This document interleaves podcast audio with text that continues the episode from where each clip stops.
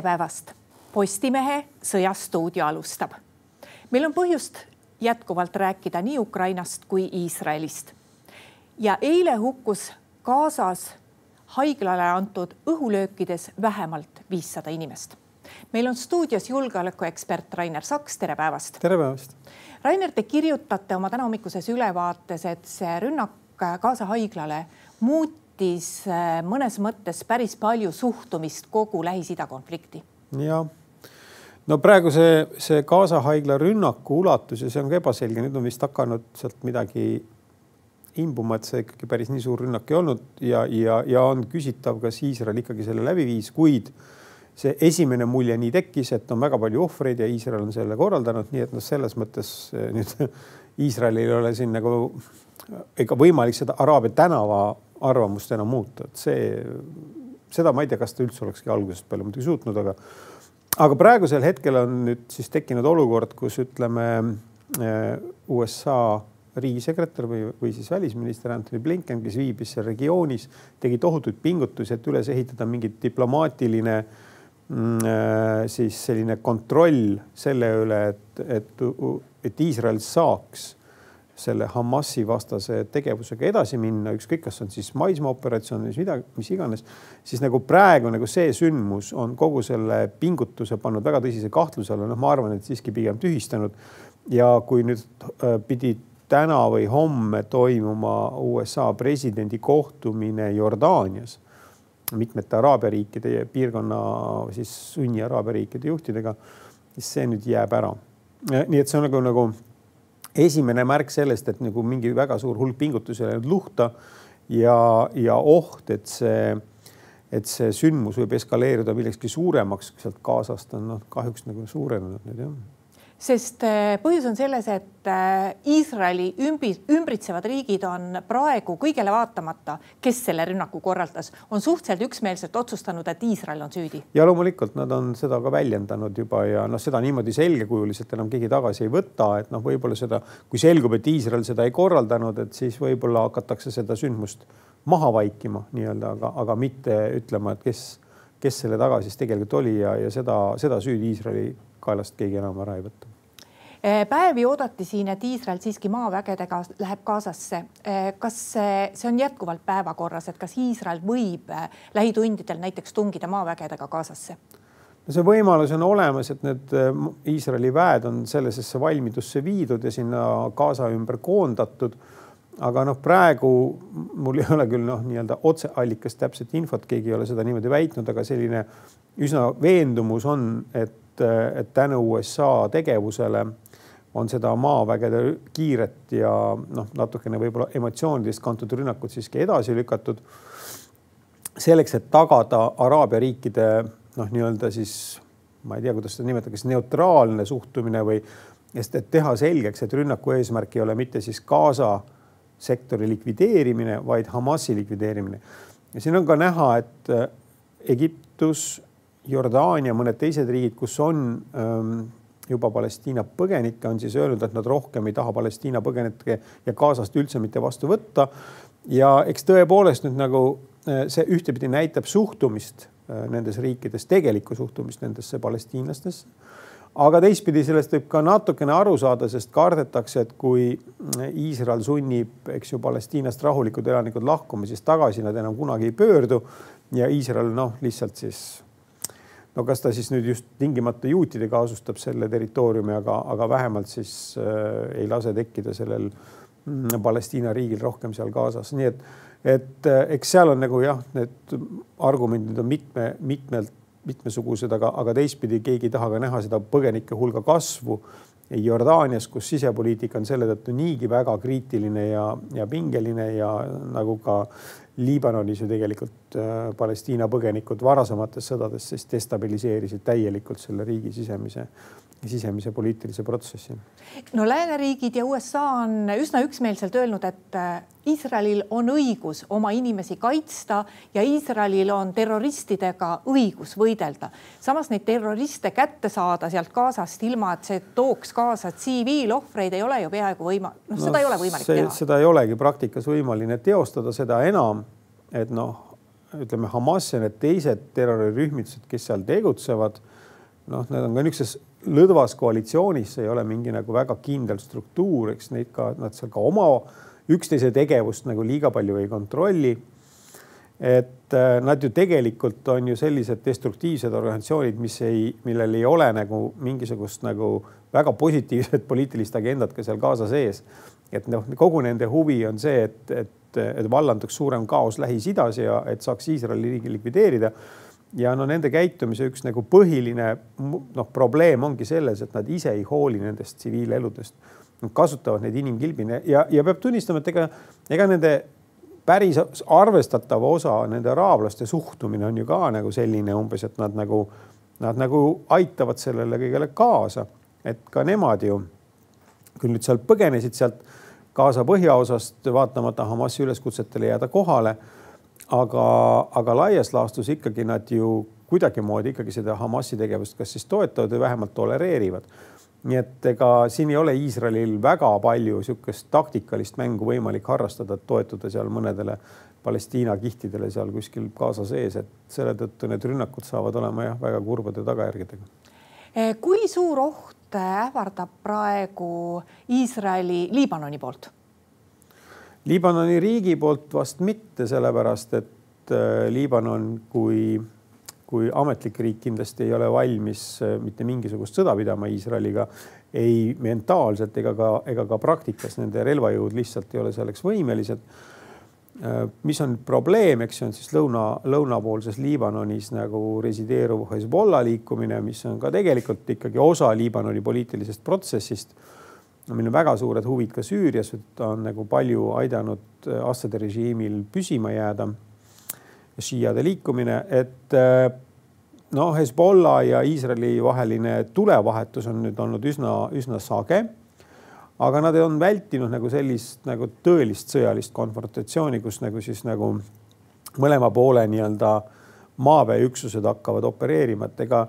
Hezbollah ei saa endale lubada Iisraeli ründamist, tal ei ole selleks mingit nagu selget praktilist jõudu, see meenutaks ka üsna sarnast nagu Hamasi rünnakut, mis võib teha küll ootamatust nagu haiget, tappa tsiviilelanikke, aga tegelikult kahjustada Iisraeli sõjaväge nad ei suuda. Ja meil on ka teada ju, et Iisraeli enda kogemus siin äh, viieteist aastat või natuke rohkem tagusest ajast, kui nad üritasid äh, Hezbollat likvideerida Lõuna-Liibanonis, see neil ebaõnnestus. et äh, vaenulikus keskkonnas ka sellist operatsiooni läbi viia väga keeruline. nii et mõlemad pooled ilmselt siis teavad nagu oma piiri ja Hezbollah on kindlasti palju pragmaatilisem organisatsioon kui Hamas. ta kindlasti ei taha võidelda selle nimel, et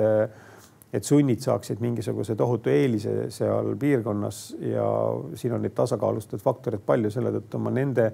niisugust massilist rünnakut või suure massiga rünnakut Iisraelile ikkagi ei ootaks praegu. Eh, kui palju Hamasil neid nii-öelda kanalisatsioonitorudest eh, tehtud relvi veel jätkuda võiks ja no, näiteks maavägede rünnaku korral, korral Gazale ilmselt ei ole neist eh, noh, Nad ei suuda vastu panna Iisraeli armeele? ei no nad ei suudaks pidada nagu sellist sõda, mis hoiab Iisraeli armee eemal Gazast, et Gaza kindlasti okupeeritakse väga kiiresti, küll aga nad suudavad jätkata nagu sellist sissivõitluse taolist vastupanu, ega ega linnas on sissivõitlust veel raskem ohjeldada kui, kui kuskil noh, ütleme siis nii-öelda looduslikus piirkonnas. aga seda juhul, kui kohalik elanikkond neid sisse toetab siis ei ole seda võimalik äh, efektiivselt teha ja seda näitab ka Ukraina sõda, mitmed teised hilisema aja kogemused, Afganistan näiteks, kust ikkagi ju USA armee pidi põgenema lõpuks. nii et äh,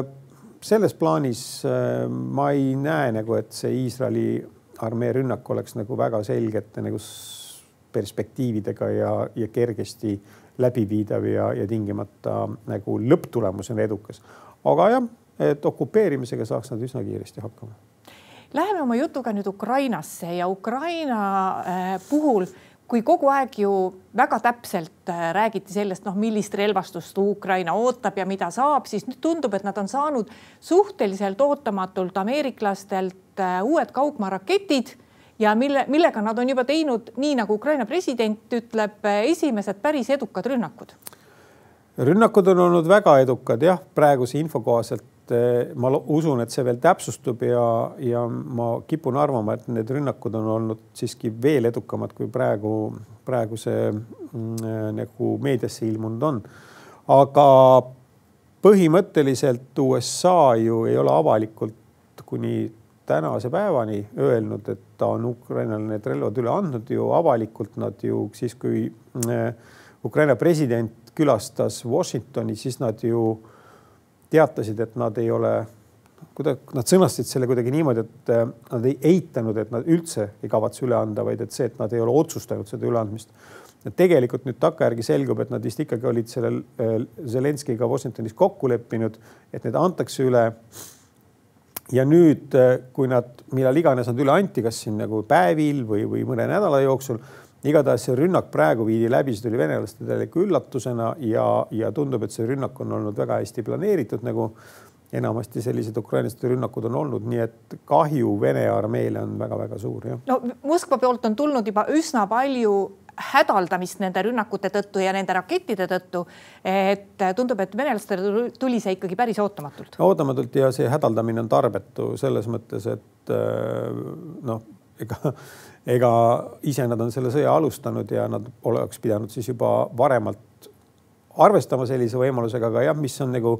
natukene veider on see, et, et Vene luure siiski tundub, et nagu ei suutnud seda tuvastada, et need raketid on seal Ukrainas kohal ja valmis kasutada nii et meil on sealt Ukraina poole pealt eh, edusammude osas veel üht-teist praegu nüüd oodata, kui nad need raketid nagu täisjõus kasutusele võtavad. ma arvan, et mitte väga tihti, sellepärast et see hulk, mis nad neid rakette said saada, ei saa olla väga suur. et USA-l neid liiga palju ei ole ja, ja teine moment vist on see, et USA ka väga ei taha, et neid hakatakse massiliselt kasutama, ta pelgab, et neid võidakse kasutada siis noh, kas Vene territooriumi pihta näis, kas neid Krimmi suunas kasutatakse, ma arvan näiteks, et Krimmi silda võib-olla ikkagi USA hea meelega ei näeks, et sellega rünnatakse. küll aga on võimalik rünnata okupeeritud aladel paiknevaid Vene väga niisuguseid väärtuslikke komp-, noh näiteks õhuväe komponente või siis seal mõningaid äh, side- ja logistikasüsteeme, mis jäävad nagu sellisest praegu Ukraina relvade efektiivsest laskeulatusest välja. Ja, ja sellisel puhul võib olla nende rakettidega nii-öelda see ähvarduse loominegi juba piisav selleks, et Venemaa reageerimisvõime rindel toimuvale muutuks palju-palju kohmakamaks ja, ja logistika samamoodi et venelased võivad praegu hakata kiirustades oma logistikakeskusi lihtsalt rindest kaugemale kolima? Nad teoreetiliselt peaksid seda tegema ja, ja praegu peaks Ukrainal olema see ajaaken või võimalus oma pealetungi eskaleerida, et see kaotuste oht on praegu hetkel väiksem, kui ta oli siin enne seda rünnakut mis see laskekaugus võib olla või laskeulatus, on räägitud kuni kolmesajast kilomeetrist? Nendel, mis üle anti, tõenäoliselt vähem, kuskil sada kuuskümmend viis kilomeetrit, aga noh, see on praegu piisav, et, et ulatuda kogu sellele okupeeritud territooriumile niimoodi tulistama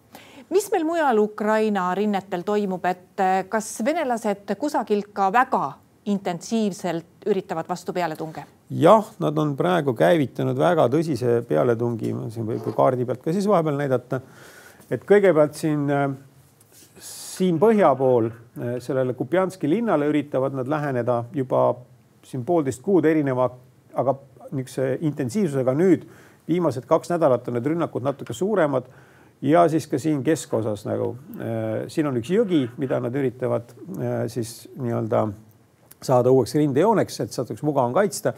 et räägitakse, et selles piirkonnas siin on üle saja tuhande Vene sõduri. No ma võtan seda teatava reservatsiooniga, neid on seal palju, aga nad, neid võitlusvõimelisi üksuseid tundub, et on seal vähem. ja nüüd äh, Bahmuti juures nad üritavad Ukraina vägedele korraldada vastupealetungi selleks, et peatada nende edenemine siit lääne poole aga hetkel noh, Ukraina väed on siiski hoidnud siin initsiatiivi enda käes ja Bahmuti juures tundub, et äh, Vene armee võimekus äh, rünnakuid läbi viia on järsult-järsult langenud, et võimalik, et viidi osa üksused siia Donetski juurde, kus siis käib kõige suurem katse nagu peale tungida. et siin põhja pool on Avdiivka linn umbes selles suunas. Äh, ja siin lõuna pool on Marinka eeslinnad ja nendest, e-, nende rünnakute eesmärk on suruda siis Ukraina väed Donetski linnast nagu palju kaugemale, sest Ukraina praegu ulatub siin Donetski ümbruses olevaid olulisi logistikasõlmi tulistama ja tegelikult ma arvan, et noh, Venemaa president on ikkagi andnud laiema korralduse, et saada saada see initsiatiiv uuesti rindel tagasi Ukraina käest Vene vägede kätte, ta on seda noh, kevadest saadik juba seletanud, kuidas see kohe-kohe peaks nagu juhtuma või et Vene väed võtavad uuesti initsiatiivi. nii et äh, üsna selline tõsine, tõsine rünnakukatse initsiatiivi nad Vene Ukraina käest kätte saanud päriselt ei ole ja kaotused on väga suured. ma ise julgeks arvata, et no võib-olla siin võib-olla veel järgmise nädala, võib-olla natuke kauem nad suudaksid sellisel kujul neid rünnakuid jätkata, aga, aga siis peaks nagu see, see ressurss hakkama ammenduma no Venemaa president on siis nüüd lõpuks eh, otsustanud eh, minna ka välisvisiidile. Venemaa president eh, külastas Hiinat. Ja kohtus seal muide ka üllatus-üllatus ühe Euroopa Liidu riigi juhiga. Ungari peaministriga jah. just et äh, mida, kõigepealt see, et mis selle Hiina visiidi eesmärk oli, et mm. mida ta sealt saab või oli see ainult äh, nagu noh, soov näidata maailmale, et Venemaa president siiski reisib, sest ta ei ole ju tükk aega nüüd käinud kusagil. Hiina on korraldanud iga-aastaselt seda, mida ta nimetab Belt and Road vöö ja tee, noh, mis on siis nii-öelda selle uue siiditee või, või, või nagu sellise suure globaalse logistikaprogrammi äh, rajamine. Selle, selle suurem mõte on nagu see, see on see konverents siis, mis nagu seda teemat käsitleb, selle, selle Hiina initsiatiivi mõte on see, et, et luua temale, tema initsiatiivil sobivad globaalsed kaubateed. seal ei ole juttu ainult nagu konkreetsetest investeeringutest kuhugi piirkondadesse, kus neid siiamaani ei ole tehtud, vaid ka teatud standarditest, mis selle, selle infrastruktuuri kasutamisega kaasneb ja ja haarata nagu seega niisugune globaalne initsiatiiv ja, ja pärssida siis nagu niisugust lääneriikide poolt peale teist maailmasõda loodud äh, rahvusvahelist nagu siis kaubanduse ja, ja, ja siis üldse nagu majandus, finantssüsteemi. aga sellele iga-aastasele konverentsile Venemaa president kutsuti ja see on nüüd nagu talle siis võimalus näidata, et ta ei ole nagu sellises diplomaatilises initsiatiivis, nagu see siin kevadest alates on nagu olnud et ta ei ole nagu välisriike küsin-, külastanud, no ka see Prigožini mäss tegelikult äh, sundis teda olema nagu rohkem kodumaal ja, ja tagama siis kontrolli sisepoliitiliste protsesside üle. nii et, et tegelikult Hiina sellega rõhutab ikkagi, et ta on siis nagu Venemaaga partnerluses ja Venemaa on siis tema üks nagu olulisemaid. no liitlane on see ebakohane sõna võib-olla, aga, aga siis just niisugune partner ja praegu Venemaa presidendi jaoks muidugi on kõige olulisem siiski kahepoolsed kokkusaamised. ta ühtepidi saab nüüd näidata kuvandit ja siis sellise multilateraalse kuvandi taga on siis kahepoolsed kohtumised, kus on kindlasti väga olulised teemad. Venemaa jaoks on energiakandjate müük Hiina, mis ei ole kerge eelkõige tänu logistilite, logistilistele probleemidele, kuna Siberis ei ole vastavat taristut. Aga ma arvan ikkagi, et kõige olulisem teema Venemaale on see, et, et Hiina oleks nõus tarnima Venemaale sõjalisi vahendeid, ükskõik on need siis äh, relvad, laskemoon või siis ka mingid muud materjalid, mida sõjatööstus vajab. huvitav, kelle initsiatiiv oli see kohtumine äh, Ungari peaministriga või see juhtus lihtsalt pildile ja kirjutati suuremaks, kui see tegelikult no, oli? Ungari peaminister pidas vajalikuks sinna koha peale sõita ju ta siis ikkagi initsieeris ka neid kohtumisi ja Ungari on ju oma sellise majandusmudeli praegu üles ehitanud ikkagi sellele, et ta noh, kuidas siis öelda, väga ühemõtteliselt arvestab ainult Venemaa energi-, energeetika ekspordiga Ungarisse ja noh, eks see hinnakomponent on siin oluline, aga noh, Ungari peaminister on näidanud, et noh tema ajab mingit oma rida, mis on ainult temale arusaadav ja ja, ja lõppude lõpuks, kui ta juba pikalt on nagu sellist liini hoidnud, siis ega tal nagu kaotatud on see imidž juba ammu, et mis ta siin enam. aitäh, Rainer Saks tulemast stuudiosse. palun. Ja aitäh ka kõigile neile, kes meid vaatasid. Postimehe järgmine otsesaade on eetris homme. seniks lugege uudiseid postimees.ee